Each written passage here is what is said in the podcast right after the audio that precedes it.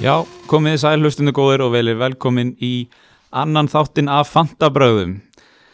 Aron og Gilvi hérna og við ætlum að fara yfir um, allt sem gerðist í fyrstu umferðinni í Fantasí og fara yfir hvað klikkaði og hvað gekk upp. Það var nú kannski meira sem að gekk upp, er það ekki? Jú, jú, ég er bara, ég, mér er bara svo ótrúlega létt að núna er bara, framöndan er bara ein skipting, eitt transfer í viku og maður þarf ekkert að pæla lengur í leiðinu sko. Ætla ekki að lýsa fyrir hvernig mér leið þetta síðasta förstu daga að ákveða að loka liðið mitt en jú, ég er eiginlega bara sáttur Já, með hvernig umfyrir fór. já ég ætlaði að spyrja bara svara í einu orði, já eða nei, ertu sáttum með umferðina? Mm, Já, já, er nú genna hægt. en þú? Já, já, ég tek þetta Sko, ef við tölum um hérna average points að meðaltali var 65 stig í þessar umferð sem nú frekar hátt Já, það er nefnilega hátt sko og vanalega, hvað fegst þú mörg stig? Ég var með 72 72. Ég var með, endaði með 84 og vanalega væri við virkilega sáttir Já. en það er kannski í ljósiðis hversu vel þetta gekk hjá öllum bara Já. og hvað afriðs er hátt þá svona jú, jú, maður verður, jú, jú, maður verður að vera sáttir við þetta þetta hefði getað að fara yfir tölvört verð En þetta var svona típisk umferð þar sem að allir helstu fantasíkallanir deliveruðu algjörlega þannig að þess vegna var meðaltali mjög hátt. Já, þetta var sko, manni leið helviti vel eftir fyrstu daginn Já, svo laugardaginn leið manni líka mjög vel aðeins minna vel. Já, svo sunnudaginn það var svona æ, komu allir Kane og Aubameyang og, og mannjú gaurarnir sokkuðu mig hressilega en komum kannski betur inn á það setna algjörlega. Um, Ok, ég ætla bara að byrja á liðinu mínu. Sko, í fyrsta lagi talandi um markvarða vandraði hérna þá var ég með Ryan á bekknum. Já, og hann spilaði klukkan 2 og held hreinu í 3-0 sigri Brighton. Þannig að það var alveg ljóst þegar Lóri spilaði senn daginn að hann var að fara að fá þessi mark. Já, já, þetta er bara það, við töluðum um þetta. Já, við töluðum um þetta, þetta er alltaf svona og þú byrja bara að beinta þessu. Þetta eru, hvað Lúris endaði með þrjú stig? Hann endaði með þrjú stig það er fekk á sig- 60 60 að sveifla þarna. fekk á sig mark hann í byrjun. Þetta er, þetta er agalegt sko. Og þá skoraði ég með John McGinn sem margir voru búin að tippa á sem svona besta möguleikana sem 5,5 miðjumann. Já, hvernig leist þér á hann, sástu leikinn? já, ég sá leikinn sko. Já, mér fannst Aston Villa bara flottir.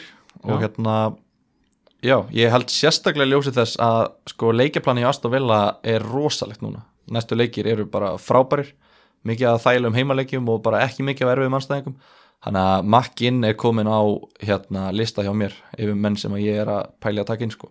Sama hér. Og hérna hann var vist nálætti að fá víti líka í setnáleika ekki? Uh, ég, var ákvörun já, ég, og fengu ekki víti. Ég gæti hafa sopnað eitthvað aðeins yfir þessum leik.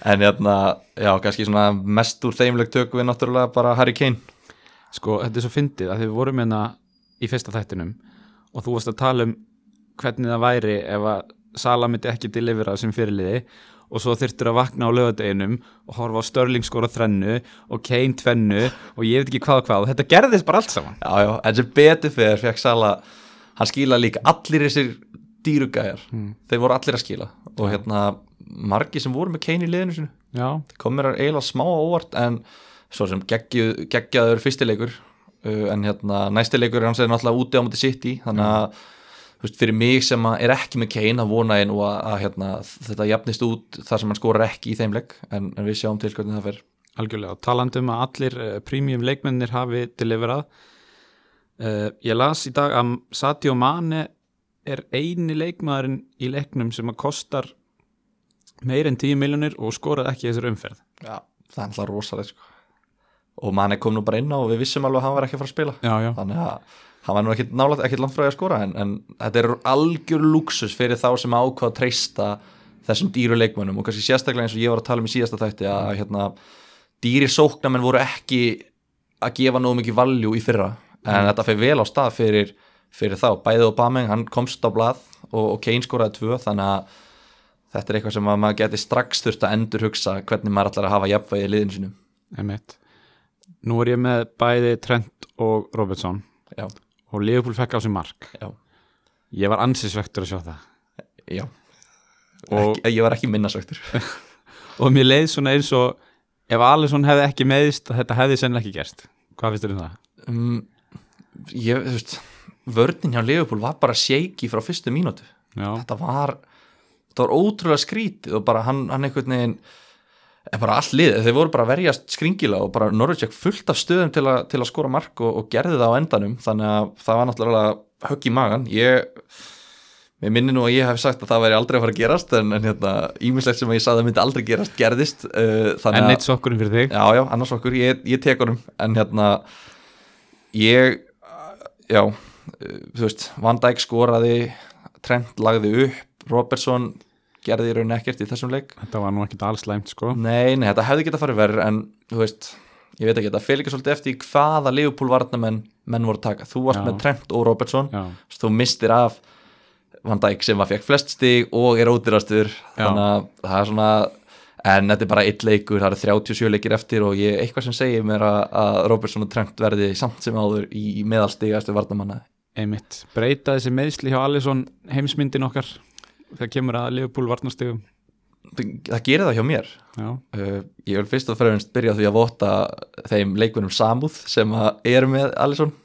Það er þetta voru ykkur 35-6% leikmanna sem voru með hann í byrjun. Já, nú er hann meittur næstu vikurnar og þetta þetta já, þetta breytir fyrir mér, klárlega. Mér finnst Alisson bara vera að bjarga mörgum stigum fyrir Leopold á hverju tímambili, að gera það í fyrra. Og, hérna, og mun halda áfram að gera það um komandi ár. Öllum tímubellunum sem hefur spilað með hann þeim er aldrei bröðist mér. En, en ég veit ekki, þú veist þeir sem að eru með Alisson, finnst þér að þeir verða að selja hann strax?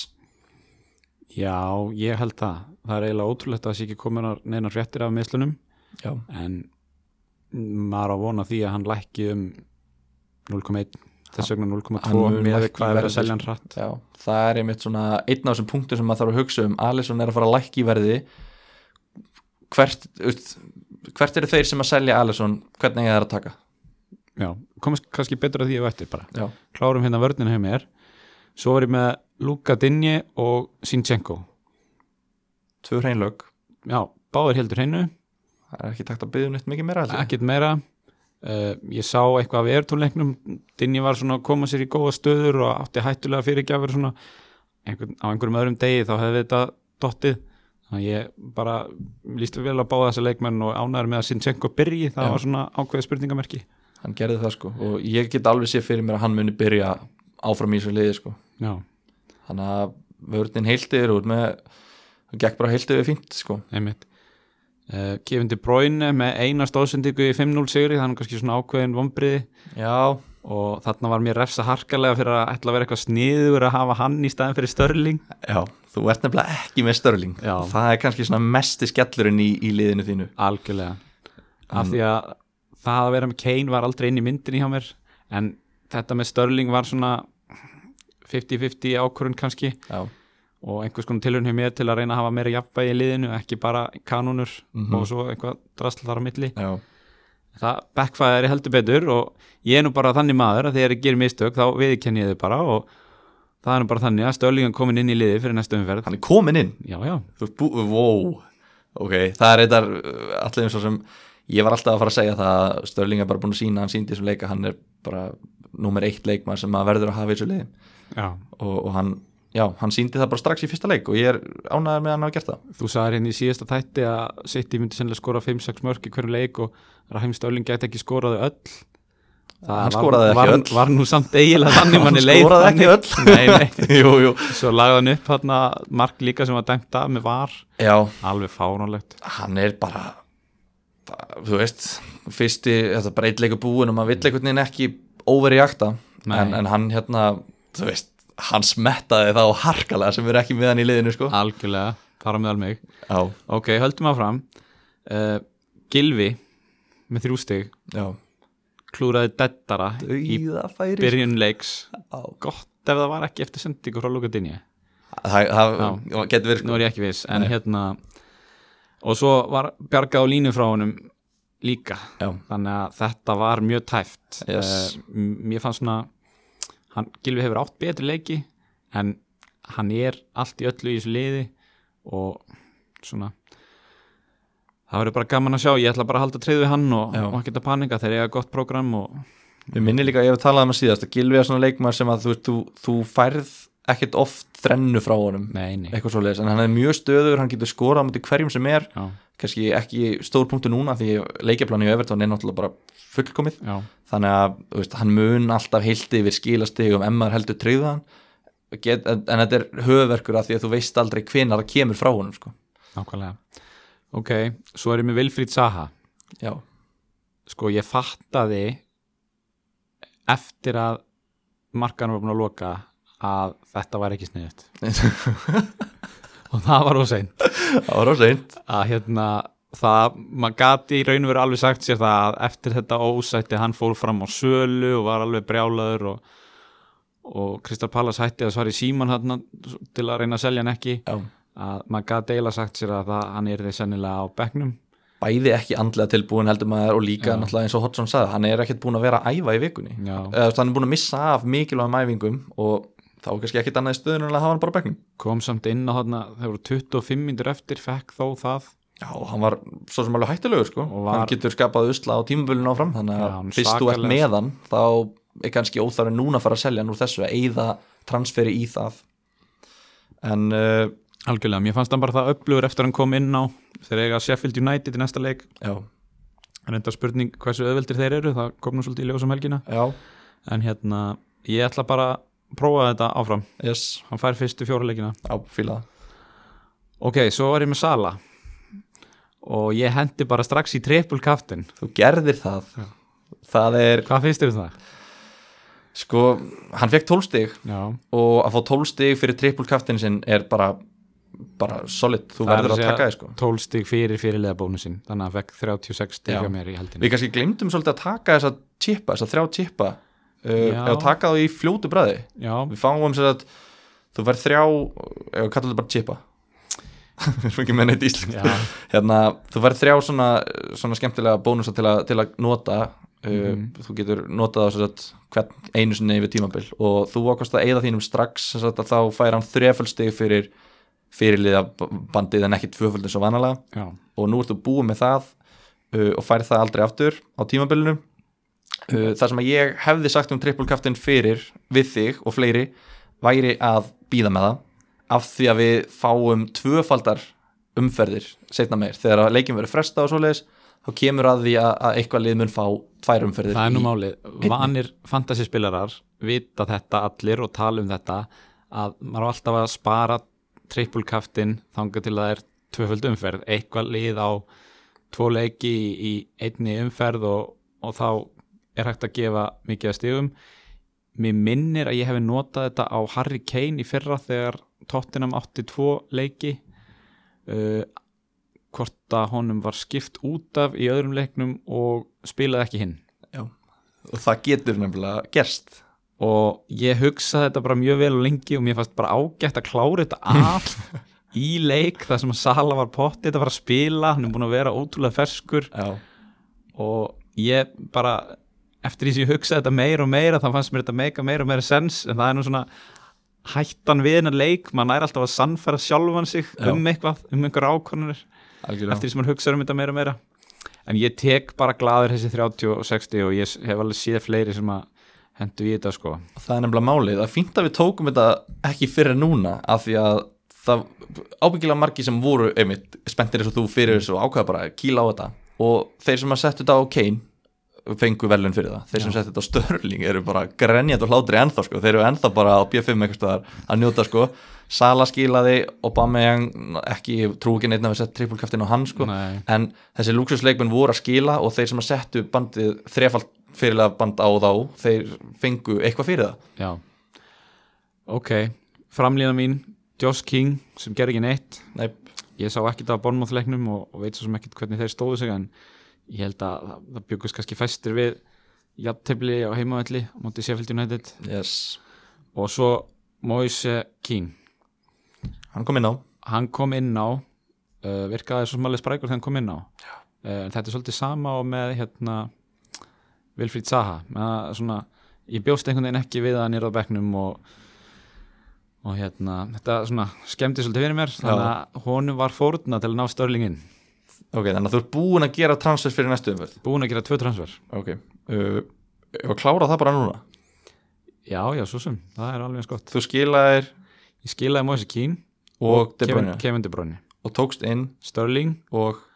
Og þá vantaði mér raun og verið einhvern 4,5 sóknamann þeir eru nú ekkert á hverju strái og ég er þegar með Mason Greenwood í liðinu. Já, þannig að ég tók sko, ég hefði tekið Rian Brewster í Liverpool en ég er náttúrulega með þrjá Liverpool menn mm þannig að ég tók Gabriel Martinelli í Arsenal já, sem er skráður sem sóknamæður já, ok. Hann kom inn á hann leiknum. kom inn á í njúkvæðsleiknum Ok, uh, eftir að Arsenal seldi Alex í Vópi þá gæti hann alveg fengið einhverja mínútur á vinstri kantinum sem að hér og þar.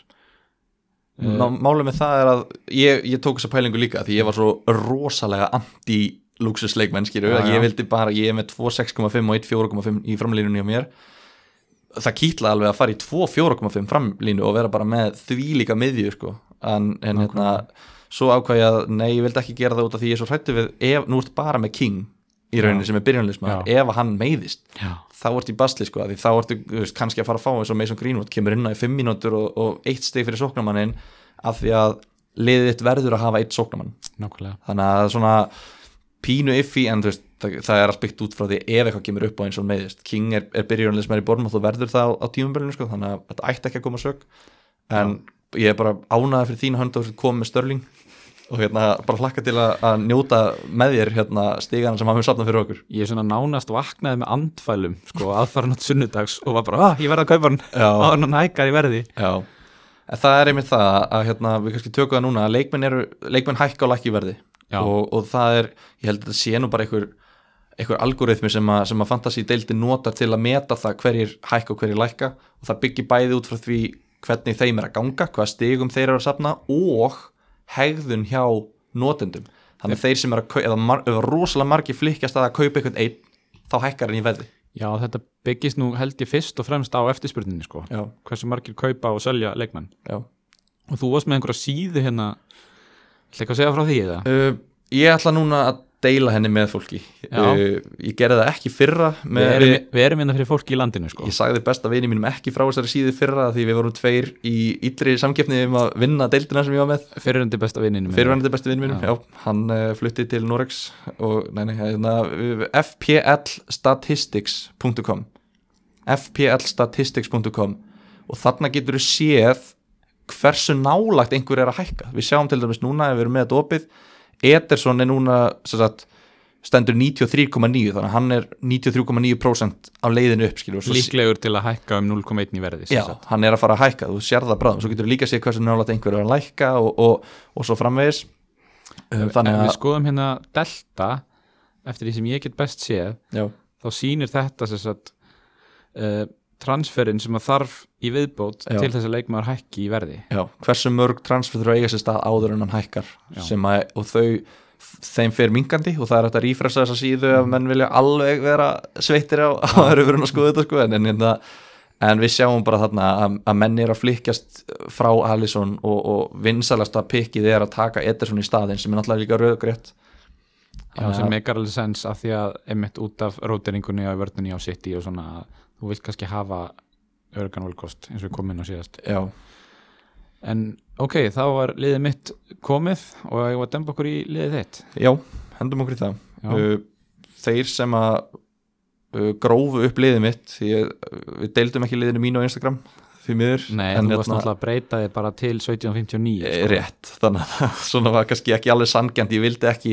þetta er ástæðan fyrir að mér leiði ítla með að vera að gera þetta podcast tveimur, þreimur dögum á- fyrir lókun út af því að ég til dæmis talaði mikið um það að ég nefndi ekki að hugsa um markmennina mína. Já, ég vildi bara vera með 1 6 miljón krónar markmann Já. og ekkert spáðið meir. Ok, það eru 2 6 miljón krónar markmann, það er Alisson og Ederson. 50-50 hvernig hún tekur þeir sem ákváða að fylgja þessu taka Alisson sko, ég bara, ég sendi ykkur blóm á eftir, sendi mér bara heimilisfangi ykkar Ederson meina, skilaði sér. Ég ákvað á síðustu stundu að taka frekar 2 4,5 miljón krónar markmann til þess að fá eina auka miljón í að kaupa út á velli. Ég get ekki séð eftir því núna Pope fekk áttasti, ég tók Pope Já. og Heaton. Ok, Nick Pope í Burnley og Heaton í, í hérna, Aston Villa. Gamlu börni félagana. Já þeir heldur hreinu þetta var bara Burnley bara sem að ég, þetta er Burnley sem ég fíla. Já, og hérna, að hann held hreinu högg bónusti og bara flottur. Uh, ég er með Robertson líka og Van Dijk. Já, ég fekk skilabóð á Twitter um það að við værum Van Dijk heitirar uh, ég er fyrst og fremst bara hypokriti að ég hérna, ég til dæmis talaði ekki gegn, eh, ég talaði gegn því að taka Van Dijk og ég endaði að taka hann og ég gerði síðan ansi margt sem ég talaði um að ég vildi ekki gera. Já, en þetta er það sem þú veist að segja, maður tala sér inn á eitthvað og svo bara allt í hennu vaknar með einhverju flugu haustum og sannfærið bara um það. Nákvæmlega. En hérna, nei nei, ég er ekki Van Dijk heitir sko, ég hérna, myndi gera allt fyrir hennar mann. Og við hvorugir erum það sko myndi bara eld og það- brennistein fyrir hann hann myndi Við töldum bara að á endanum myndi bakverðin skila meira Það var svona marathon ákvörðin algjörlega. Ekki bara upp á fyrstu leikvíkuna Algjörlega. Og ég hugsaði líka sko með Trent og Van Dijk að ef að Trent er til dæmis að fara að fá einhverjar stóðsendingar fyrir hotspinnur og svona Já, hver er að fara að skora úr þeim?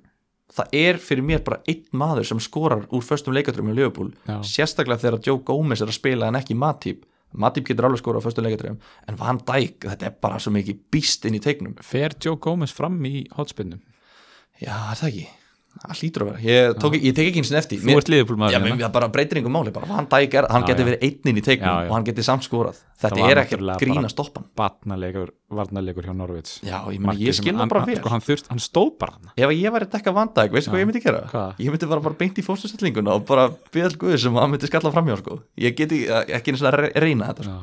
Ok, heldum áfram. Uh, Póp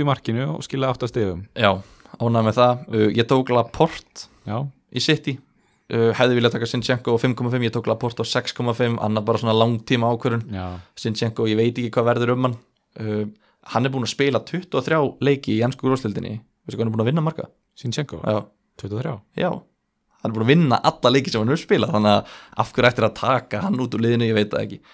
Coleman, hmm. Seamus Coleman. Dauða færi sem hann fekk sástu það? Já, dauða færi og ég var sko, ég stóð upp að þið boltið var svo lengi á leiðinni, stóð upp og svo bara, nei, settist það niður. Erðu hann er bara nýr fyrirlið Evertón já, vá, hvað var gott að sjá það. Já, ég ákvað að taka gefa hann tröstið Ég hafði nefnilega ákveðna áhyggjur fyrir þína hönd að því að þeir fengu Sibril Sidibe þannig á láni mm -hmm. og eftir sem ég best veit þá er hann líka hægri bakvörur já, og hann að hérna, ég hafði svona ákveðna áhyggjur að Kolman myndi bara ekki byrja sko. þú benti mér mitt á það og ég, þegar ég kom heim eftir að við tókum upp síðasta podcast, þá ég seldi hann og Já. keifti dinja, en svo bara hugsaði, nei, heyrðu bara treystu hérna, standa með sín eigin samfæringu treystu eigin sannfæringu. Þannig ég held, held treyfi Kólmann og hérna, hann var næstu búin að skora en, en reynd lag, þannig að ég bara sáttu með vörnina. Uh, ég með Sala og Störling. Já, bara ótrúlega ánæður að hafa valið þá báða Sala fyrirlið Mm.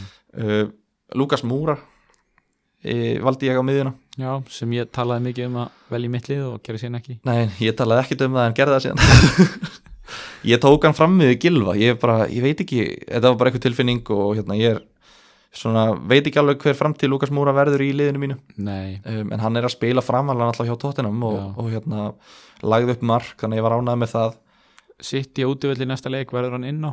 Ég er ekki vissum það, Nei. ég gæti meira sér enda á að selja hann Já, fyrir Martial já það eru margir sem er að pæli því. Já. Og, og kannski bara ótrúlegt hvað hann sildi undir radarinn hjá okkur. Ég held að það hafi ekkert haft að gera með andstegð vína á Manchester United. Ég held að hafi bara, ég veist, ég, hann er að spila fremstur hjá Manchester United. Já, þegar Rashford er ekki inn á það ekki? Rashford var nú fremstur. Mér er það, var hann ekki svona á vinstri kantinum, Rashford Já, ég sá þetta ekki nú vel. Þeir voru eitthvað, eða, eða hvort þeir eru að rótita eða eitthvað, en veist, Martial, hann er komin í nýjuna hjá, hjá United og bara skorað, ég hef ég er alveg mjög heitur fyrir honum bara strax frá fyrstu umferð og sérstaklega út af því að þeir eiga fínt prógram núna. Já, ekki það að Chelsea leikurinn hafi verið eitthvað rosalega erfið fyrir þá en, en, hérna, en þeir að fínt program og, og hérna, ég er mjög heitið fyrir honum. Uh, hann gæti líka komið inn í liðið mitt fyrir hinn sem ég er er einhvern veginn sé strax eftir að hafa tekið tvo úr bólmáð með Fraser og King. Já, þetta er erfitt. Já. Þegar liðið skora bara eitt mark og það er hvorur þeirra sem kemur nála Já, og svo er þriðigæðin sem allir eru að tala um. Það, það er bara Fraser King eða Wilson. Og, og Wilson lagði upp markið. Þannig að þeir sem að tóku Wilson á átta þeir náttúrulega hlóu en, en ég Er grét það samt? Fimm stig. Já, þeir brostu, þeir svona rétt í aðeins, svona. já, Já. svona aðeins liftist upp. Já, og Ryan Fraser fekk sérst eitt stig. Hann var sem hann við guldspjald og hann er bara en, en, Við tölum um þetta síðast. Já en eitt með þetta, að ég skoðaði hérna average position Já, hjá Bornóð já, og Ryan Fraser var sko lang fremsti maður ok, Wilson og King eru, ég, ég sá ekki leikin en, en þetta svona gaf mér smá svona ok, ætti ég að treysta honum aðeins áfram? Já, að því að sko Wilson var með þess að aftari, svo var King aðeins fyrir framann og Fraser bara tölvut fyrir fram, hann er fremstu maður í average position. Ég veit ekki alveg hvað það á að segja mér en þetta svona aðeins, svona gaf mér smá svona von veginn um að hann gæti verið góður í liðinu mínu en ég ætla að gefa honum held í næsta leik að þeir eiga Sheffield United nei þeir eiga hérna Aston Villa segi ég. Já, þannig að já, sjáum hvernig þetta fer. En Fraser og King voru í liðinu mínu og svo var ég með Diego Jota sem að gerði ekki, ekki neitt í Nei. 0-0 boring jafntefli. Ég var rosalega ánæður að sjá að þessi leikur frá 0-0 já, það er ekki Mér margir með eins og varnamenn margir séu með sko, einmitt, ekki varnamenn Doherty kostar náttúrulega 6 núna þannig að það er enginn að taka hann, hann var Mhm. náttúrulega algjör snild í fyrra á 4,5 skilaði fullt að stegum en mér líður eins og rosalega margir séu með einn af þessum þremum miðjumunum í Lester sem við tölum um og, eða einmitt Jimenez eða Jota eða einhverja í Wolves. Og mér fannst æðislegt að sjá að þetta fór 0-0 ég tala nú ekki um þegar ég heyrði af því að Den Donker hefði skorað og markið var svo dæmt af. Já, er nefnilega sko margir eru með hann í byrjunarliðinu sínu eru bara með sko, þrjá ennþá meira ódýra drastlgæja á bekknum sínum og með dendonkir í byrjunarliðinu. Já. það hefði verið hrikalegt ef hann hefði farið að skila ykkur um 7 til 10 stigum. Já, þannig að já, ég var ekki síður ánæður að sjá að markið var dæmt af. Sérstaklega í ljósið þess að það, það er ekki margir með varnamenn í þessum liðum. Flestir eins og segir eru með þess að þrjá miðjumenn hjá Lester Peres, uh, Mattisson og Tílemans og kannski Hota eða Jiménez. Og annar aftur með þetta average position að Diogo Hota var var mjög framalega, var langfremstur í Wolves líka þannig að ég svona, veit ekki hvort það er út á hotspillum að því Jiménez bakkar í hotspillum eða eitthvað svoleiðis en, en hérna annað sem að gaf mér svona smá tröst á það að, að, halda treyð við Diogo Hota kannski sérstaklega út af því að hver annar ætti að koma að inn það var engin af þessum ódýri sóknarmönnum í þessar umferð sem að öskraði eitthvað á að komast í liðu okkar. Einmitt, það var talað um fyrir mót að svona þessi 6,5 sóknarmenn, það er hansi stór flokkur, mm -hmm. það er Josh King og Diego Jota og Deulofeu til dæmis. Allir skiluð engum stigum og, og Delo Feo sem ég var sko með í liðinu mínu kortir í lókun Já. ég var með hann bara ætlað að hafa hann. En sk- skilaði hann á síðustu stundu, hann fór út á í hálfleik og bara þetta var alveg og Votvort náttúrulega bara drulluði upp á baki í þessum leik. Ég held nú að þetta hafi verið ansi óvænt úslit, bæði sko 3-0 sigur Brighton og Watford og 3-0 sigur Burnley á Southampton. Já. Kannski að þeir voru svona stórir allavega. Já, Maður ég meina það, ég meina, þetta hefði ekki komið á manna óvart að þetta er dotti 1-0 öðru hvora megin, Nei. 3-0 er svolítið já, bara gott í þessum liðum og Graham Potter byrjar vel hjá Brighton. Já, ég nákvæmlega hef alveg trú á honum sko. það er líka bara áhugavert að sjá hvort að Brighton verði kannski með einhverja leikmenn hérna fram á þessum, fram á við í Brighton sem maður gæti gæti farið að velja sko. Það voru nokkuð margi með Lewis Dunk. Já, ef við kannski fara yfir hérna lið vikunar liðvikuna, stigasta lið í vikuna Já, það sem heitir Dream Team hérna á síðunni. Já, Sko, David De Gea í markinu. Já.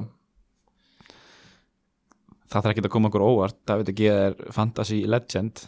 Já, hann var náttúrulega ekki fyrra en, en Nei, fram á því hefur hann verið Ef, Getum við klára manni bara? Já, Ég er bara með líður, ég er byggðast bara afsökunar Allt sem ég sagði til Nei, hérna Ég er bara, já uh, Þeir gjörsamlega sokkuðu mig. Já, ég, Þetta var svo stór sokkur sko. Ég er ennþá að tyggja hann Þetta bara 4-0 Þetta var stórleikur umferðanar algjörlega. Hann byrði Saka ná í bónus Degi reynd lag og bónus og bara einhvern veginn allir deliveruðu Pogba með tvö assist, Rashford með tvö mörg Martial með mark, þetta var bara Þetta var algjör veistla fyrir þá sem að höfðu trú á þessu liði. Já, og það eru ansi margir nefnilega sem hafa trú á þessu lið, það eru mjög margir stöðnismenn mannjú og hérna og það er kannski eitt punktur að það er spilar inn í þeir sem er að skoða, þú veist, í hvað sæti er ég núna. Já, þú veist, það er rosalega mikið kannski, það er kannski lítið hægt að segja um það af því stuðnismannahópa mannjú er svo rosalega stór. Það er svo margið sem eru með bara þrjá í mannjú og það er ekkit víst að þeir muni ná að halda þessu ég veit ekki hvort að allir leikir hjá þeim farið 4-0 næ, uh, ég er enn á því að það séu til betri valmöguleikar heldur en Van Bissaka. Uh, þó að ég hafi ekkert fyrir mér í því núna þar sem hann fekk nú áttastig og já. reynu og bónus og, en hérna Er það ekki bara að því að það er svo mikið núna af prímjum varnamönnum mm og og okkur finnst þessi 5,5 verðflokkur vera eitthvað svo absúrt hann er svona lendir að nakkur á milli. Já, það er ekki margir líka í þessum 5,5 sem eru þess virði að skoða, er að meina? Sinchenko, það er klárlega einhver sem við hefum að skoða ef hann að spila veist, ég er náttúrulega með mitt kross á Já. og Joe Gomez, Liverpool 5,5 en getum við dæmt þessi tvölið Manju og Chelsea af þessum leik? Eru Chelsea bara ömulegir og Manju frábærir? Uh, Nei, ég, ætla ekki að gera það. Ætla þú að gera það? Sástu leikin? ég sá megnið að leiknum Já, og ég held að þetta er nú klárlega svona þú veist þú getur ekki sagt að 4-0 sigur sé eitthvað overskuldaður eða gefi ekki rétt að mynda leiknum eða hvað það er. Jújú, jú, hérna Óli Gunnar saði í viðtali eftir leika eða saði vist við Frank Lampard að, Chelsea hefði verið að yfirspila á hann í fyrirháleik áttu náttúrulega tvö stangaskot en ég veit ekki, ég freistast allavega ekki til að taka neitt í Chelsea, við töluðum hérna um Barkley og Mason Mount síðast þætti. Erstu eitthvað að pæli því? Þeir byrjuðu báðir. Uh, Fyrir mér er þetta þannig að vörnin þeirra var hörmulega kjánaleg. Kurt Zuma bara sko sem ég er búin að hafa augast að á hann, hann kostar bara 5 miljónir og sama með Andres Kristensen ef þeir ná að binda saman vörnina sem þeir ættu alveg að geta þá er þetta 5 miljónir króna fyrir vartamennin Chelsea ætti að vera frábært. Já, en það, þeir þurfa að sína mér áður en ég gera það sko eftir þetta sérstaklega að hérna, þetta var mjög kjánalegu varnarleikur. Ég er alveg sammála hérna, vinni mínum hérna, Solskjær að Chelsea var að rústa þeim fyrsta korterið.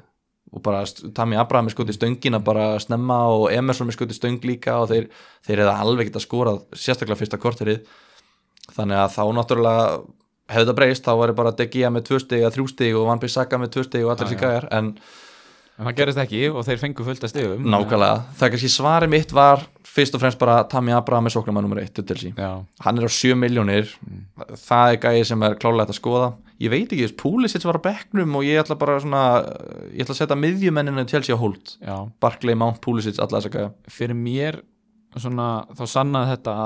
Marcus Rashford er alveg option frammi. Nefnilega. Og ég get alveg viðkjönd það að það er svona ákveðin langtíma áallin í gangi um að reyna að uppfæra Josh King í Marcus Rashford. Langtíma hold Nei, nei, það er samt það sem að maður þarf að gera. Maður þarf að velta fyrir sér veist, og, og, og, bara, og svo þarf maður að komast að ok, þú veist, ég þarf að gera eitthvað til að koma eins og þú, þú veist með 2,4,5 sóknar með núna og 1,6,5 Já.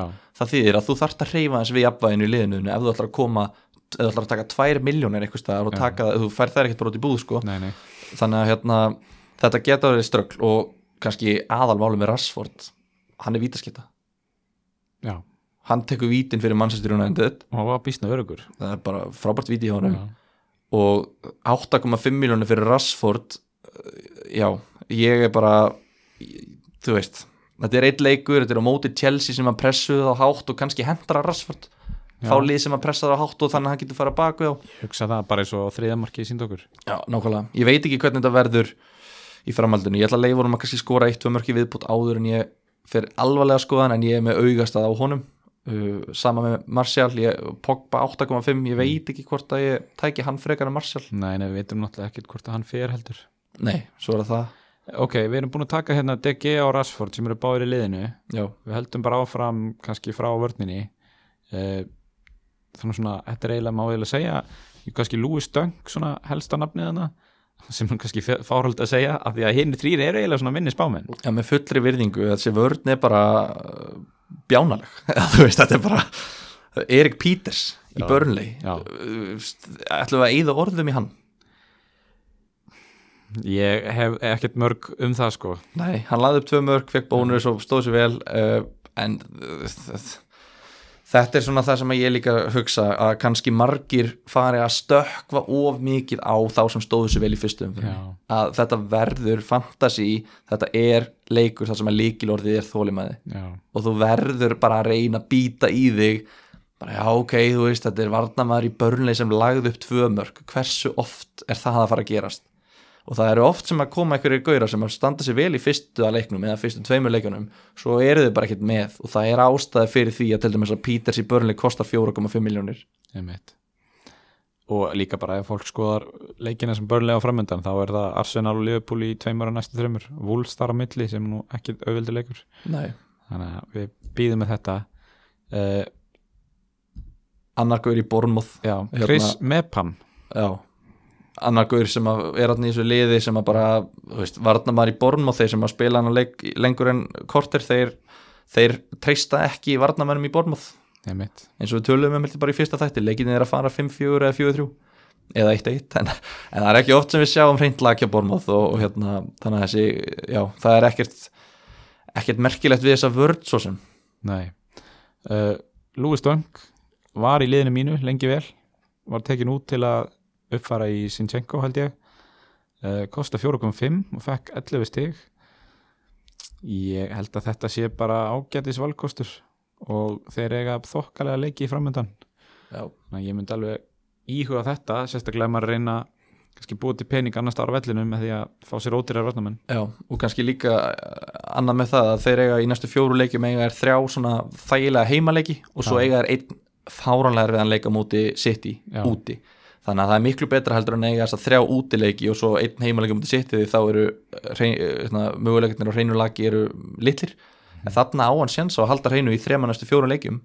Mun ólíklega gera það en kannski gerist það og við sjáum náttúrulega ekki hvernig Graham Potter hefur komið inn með þetta lið en 3-0 sigur á Vottord byrjar helviti vel. Einmitt. og að lokum í orðin er að einsli meitla Niles bakverður hjá Arsenal. Ég horfði nú á leikin og mér fannst hann ekkit svakalega traustur. Hann svona missur oft einbyttinguna og svona ég held að sterkara lið en Newcastle hefði skorað á móti Arsenal. Já, þeir voru ekkit svakalega sterkir hann að baka til. En sko talandi um Arsenal ég sá byrjunliðið og mér leið bara eins og Emery hefði hugsað með sér hvernig get ég valið minnst spennandi byrjunlið úr þeim leikmennum sem ég hef úr að velja. Já þetta var svakalegt, ég, bara, þetta var eins og æfingaleikur einhvern tímann í júni og bara Obama síðan Já, og bara Obama einhver, með einhver snild sem að skila eina markinu Já. Ég veit nefnilega ekki hvort ég átt að tólka það sem jákvætt eða neikvætt fyrir Obama Mm. Skilur hvað ég meina? Nei, Nei, ok komdu með það Nei, bara þú veist að hann er, þú veist hver var að fara að skora fyrir Arsenal í þessum leik? Já, Það var bara einn maður að fara að skora fyrir mér allavega. Og þeir sköpuðu svo sem sér ekkert svakalega færi fyrir utan þetta eina mark sko. Nei, en fattur, ef að þið væru með Aubameyang, uh, Özil, Lacazette. Pepe þá væri maður svona, ú, þetta getur dreifst eitthvað. Fyrir mér var þetta þarna, ég sá byrjanlið og ég hugsaði, ok, ef að það er eitthvað að fara að gerast þá er Aubameyang að fara að gera það. Og hann fekk alveg einhver færi, þannig að hann svona uh, allavega uh, bendi mér á sig, eða myndi á sig. Já, á, nú á miðinni Störling og Sala, við erum eiginlega búin að tala um þá. Og yes. Mares er síðan þriði meðjumæðurinn kom það óvart að hann skilja spila? Gerði það, Bernardo Silva ónotaður varmaður Já, það er svona, við vorum að tala um hann að, að það er svona, hann er akkurat í þessu erfiðam, þetta er svona 8 miljón krónar miðjumæður, það er erfitt að, að því hann skila stegum en samt ekki og eina sem við vitum er hann spilar alla leiki. Bernardo Silva. Við töluðum um það fyrir Já. hérna og, og hvað gerðist, hann spilaði ekki neitt í þessum leik. Jú, ég meina Mares lagði upp þrjú mörg frábæri leiknum og, og hérna, veist, hann gaf Pep Guardiola enga ástæðu til að setja sig á bekkin í næsta leik. Emmett segjum að hann standi sér vel á móti tóttinum þá er þetta bara orðið gaur á 8,5 miljónir í Manchester City og, og málið með Mares er að fyrir mér Mares gefur alltaf fantasy stig þegar hann spila fyrir City. Já, Bernardo Silva er meira svona kannski að hlaupa og kannski ekki alveg eins mikill fantasy leikmaður Mares er fullkomin fantasy leikmaður og hefur alltaf verið það í Newcastle, Leicester og City var hann Newcastle? nei, Er ég að rugga? bara Lester Var hann ekki? Ó, ok, áfragak Jæja, næsta mál.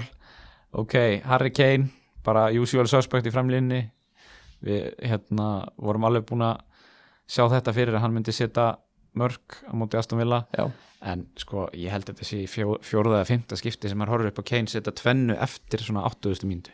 Já, þetta er bara alltaf að gerast og þetta er bara fyrir þá sem erum með Kane er þetta geðvikt að þú getur vitað að allt og veist alltaf, já, marki er að koma, marki er að koma og svo kemur það og þú bara, yes, það kom, svo kemur annað, bara eitthvað laumimark og nýtur, já, Já. ok, tvö, næs þannig að það er svona pínu hérna dæmi, en, en já, hann skoraði tvö og það er náttúrulega bara frábært fyrir þá sem eru með hann.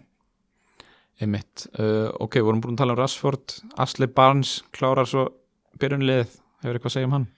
Uh, hann, hann er bara, þetta er bara þvílít lungin leikmaður. Já, hann skoraði svo sem var, eitt, var að skora reglulega bara eitt mark, hann var með 12 mörg á síðasta tímabili. Já, og, og hérna skoraði í mörgum leikjum eitt mark. Núna skoraði hann tvö strax í byrjun og, og hérna, ég tók alveg til beit. Veist, hann er þessi 6,5 miljón krona sóknarmæður sem fellur í þann flokk. Chris Wood sem er miðan frammi er það líka? Nákvæmlega. Þannig að ég, ég hefði alltaf tekið Chris Wood frekar held ég en, en Asli Barnes bara samgleðist honum og, og öllum tveimu prósentunum sem eru með hann í liðinu. Sinu En það er eiginlega bara sama á með Erik Peters. Við ætlum að býða með hann út af prógraminu hjá Bólli eða já, ekki? Já, nákvæmlega.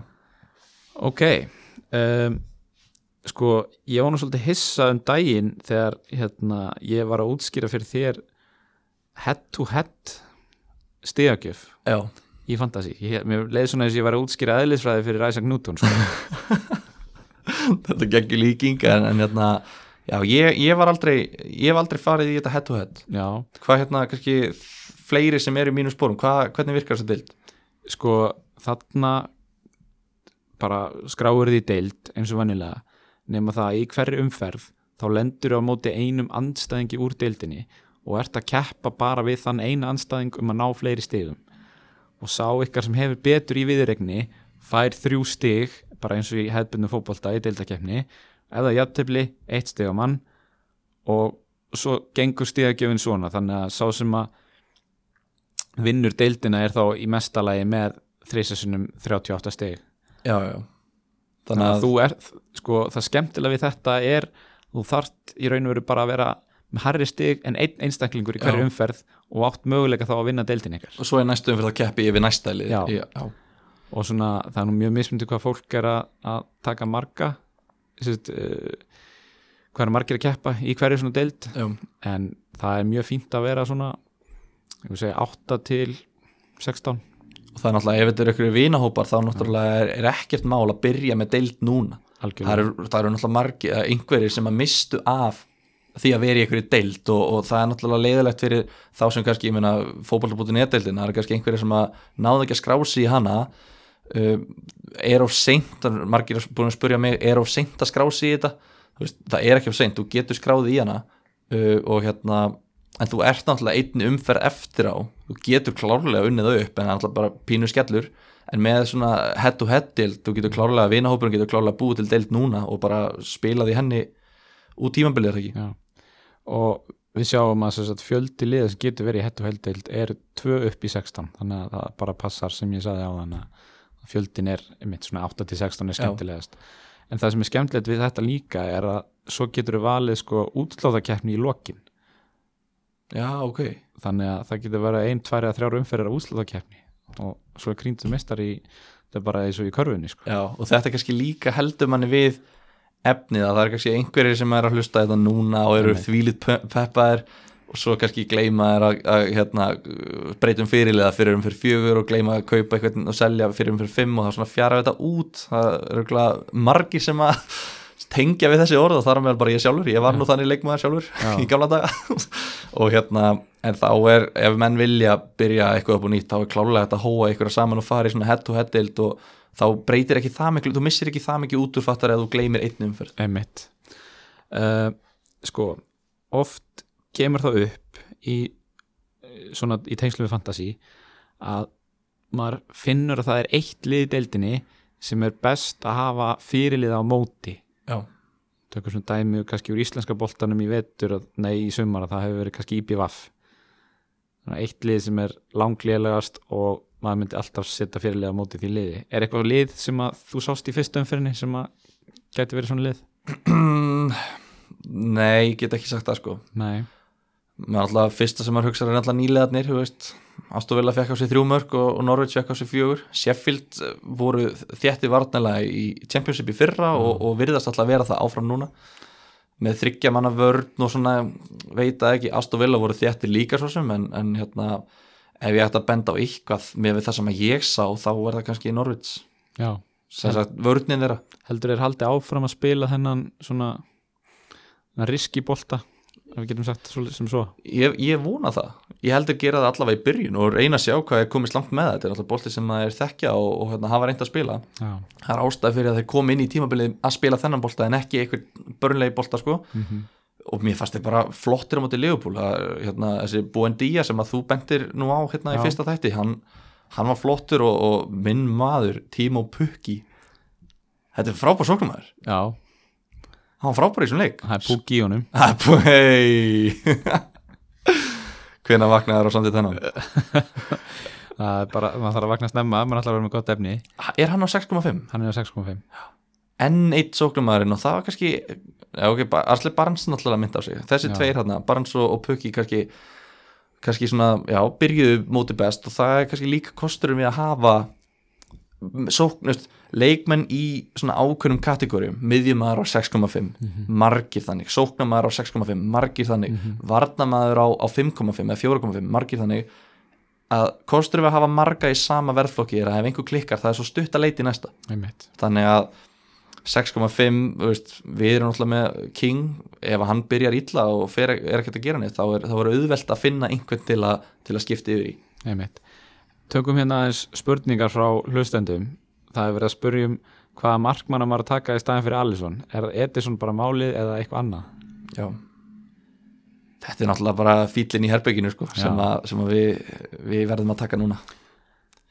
Það eru fyrir mér ef ég á að svara fyrir sjálf mig Mm. Ederson er ef þú mátt við því uh, ert bara með tvo í City uh, þeir heldur hreinu og voru bara frekar þétti vartanlega, hefðu alveg getað fengið á þessu mark en þú getur klárlega til getur það er lang þægilegasta leiðin að fara ætlar að taka núna beint eða myndir taka núna beint í leikamóti tóttina?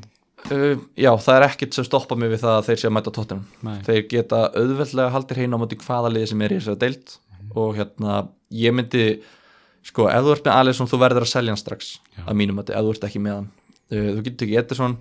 Ég myndi horfa á DGA á 5.5 já, ég myndi bara, ég verð að segja ég myndi horfa á hana því að hann líka ver.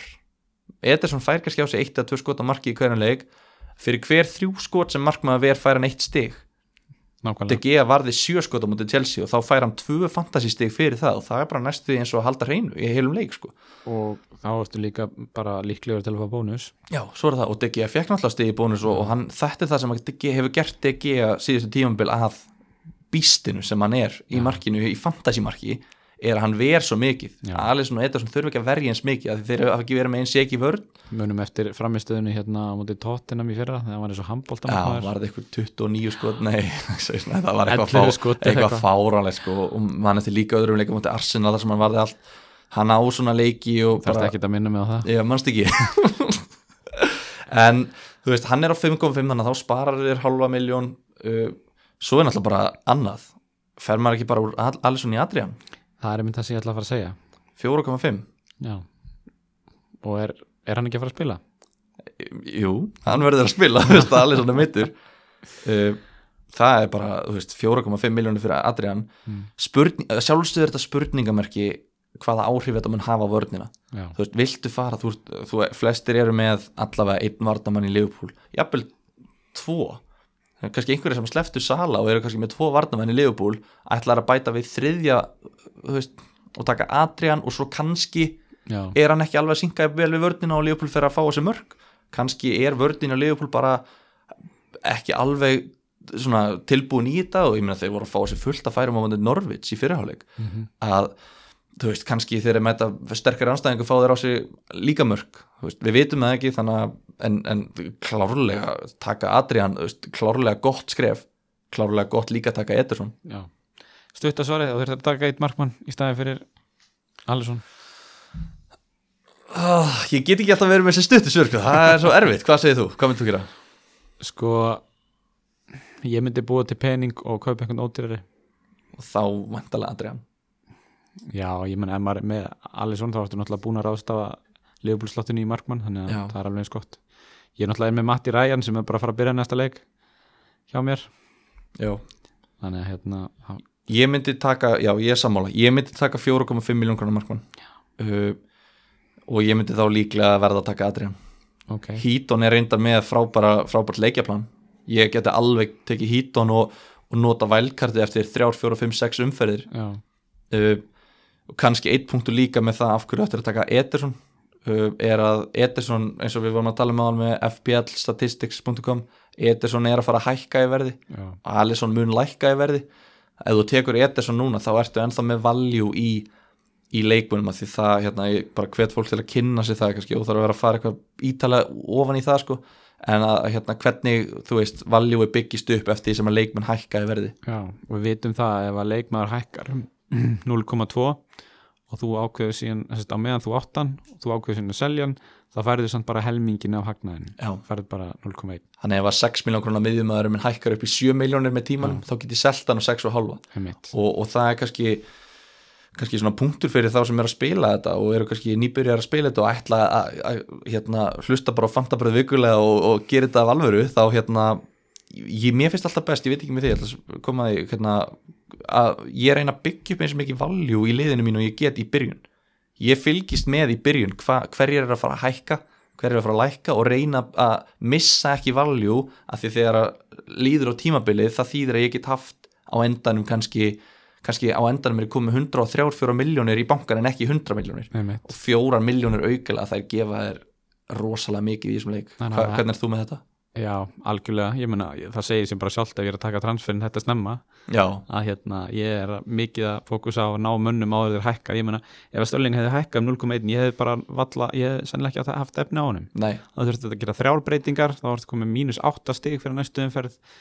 Það er bara allt og mikið sko. já, og þú náttúrulega tókst það strax bara mínus fjögur stig líka fyrir Já. hann sko. þannig að það er, einmitt, þú fær eina skiptingu frjál- frjálsa, já, um leið og gerir aðra skiptinguna þá tekur þú mínus fjögur stig fyrir hverja, hverja auka skiptingu um, það geta sapnast upp í tvær. Það Já. er kannski líka, þú veist, ég reynir ég reynir, mér langar rosalega mikið að ná að halda mér frá því að gera skiptingar núna.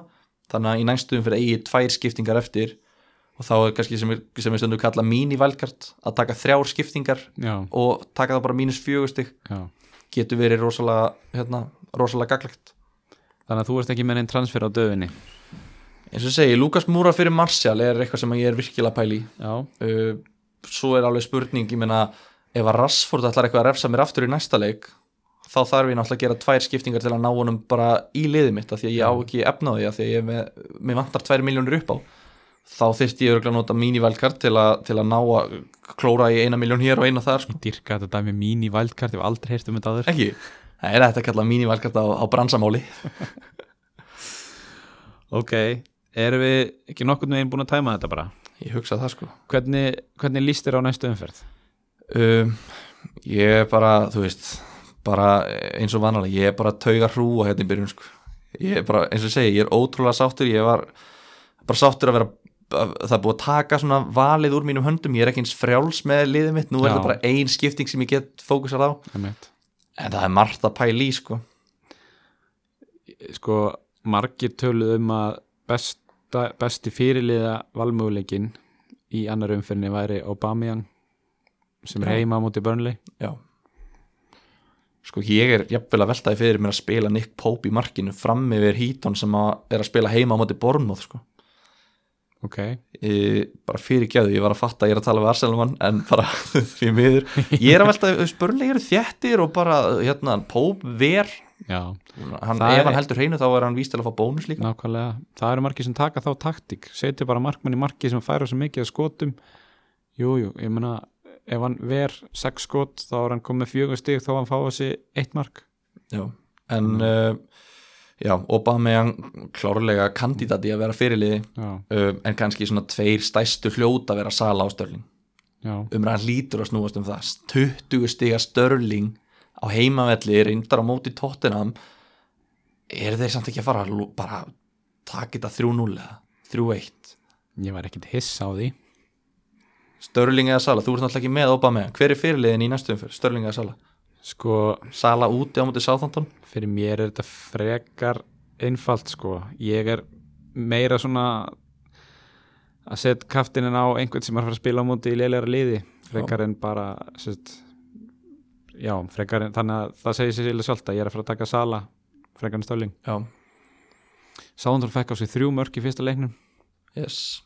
Sem maður kannski bjóst ekki við með hvernig gekk eftir að Hassenhúl tók við á síðast tímbili já. en svo sem í fyrra þá held ég að þeir sko, ef við tökum liðin þegar við spilaðu heimavelli. Í Já. fyrra þá held ég að Southampton hafi verið að fá þessi þriðju flest stór færi í leik. Okay. þess að uh, færi sem að er búist við að þú skórir úr. Já, og ef að þeir alltaf fá okkur færi á sig sem er búist við og skorir úr þá er mjög líka að Sala muni fá einhver á þessum færum og ekkit óruglega þann poteininn algjörlega, skoraði þarna þessum velli í fyrra hljóp upp allan vellin og sett hann stöngin inn held ég.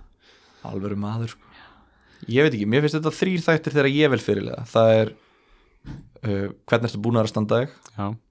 Uh, ertu á heimavelli eða útivelli og móti hverjum ertu að keppa? Uh, Störling stóð sér betur en Sala í Fantasí, fyrstu umferð. Störling er á heimavelli. Uh, Sala er á móti léttar anstæðingi ég, Mm. ég held að ég takki Störling sér fyrirlega mér finnst þetta alveg algjört 50-50 já, en þetta er einmitt sko, ég held að flestir hafa verið með Sala í fyrstu umferð. Núna byrja strax ég held að þetta veri strax klófið og ég held að við munum strax fara núna í næstu umferð. Þá fer þetta að vera meira svona atrið sem að detta með manni eða ekki af því það er einhvern veginn fyrir mér þá fyrsta þá ég það er svona fjall svolítið mikið allt með öllum einhvern veginn. Einmitt, það fengu allir eitthvað fyrir sinn snúð. Einmitt. Þannig að ég, ég er mjög spenntur að sjá hvernig önnur umferðin verður. Ég líka. Herru, þá segjum þetta bara gott Já. í bili, takk fyrir að hlusta. Uh, fylgið okkur á Facebook og Instagram og takkið þátt í umræðinni hvað heitum við á Instagram? Uh, Fantabröð, Ég er ekkert inn í þessu sko. Ekki. Jú, ég er inn í þessu. Fanta brauð, hérna Já, gerum það. Er það ekki bara? Yes, og við heyrumst í næsta þætti. Góða nótt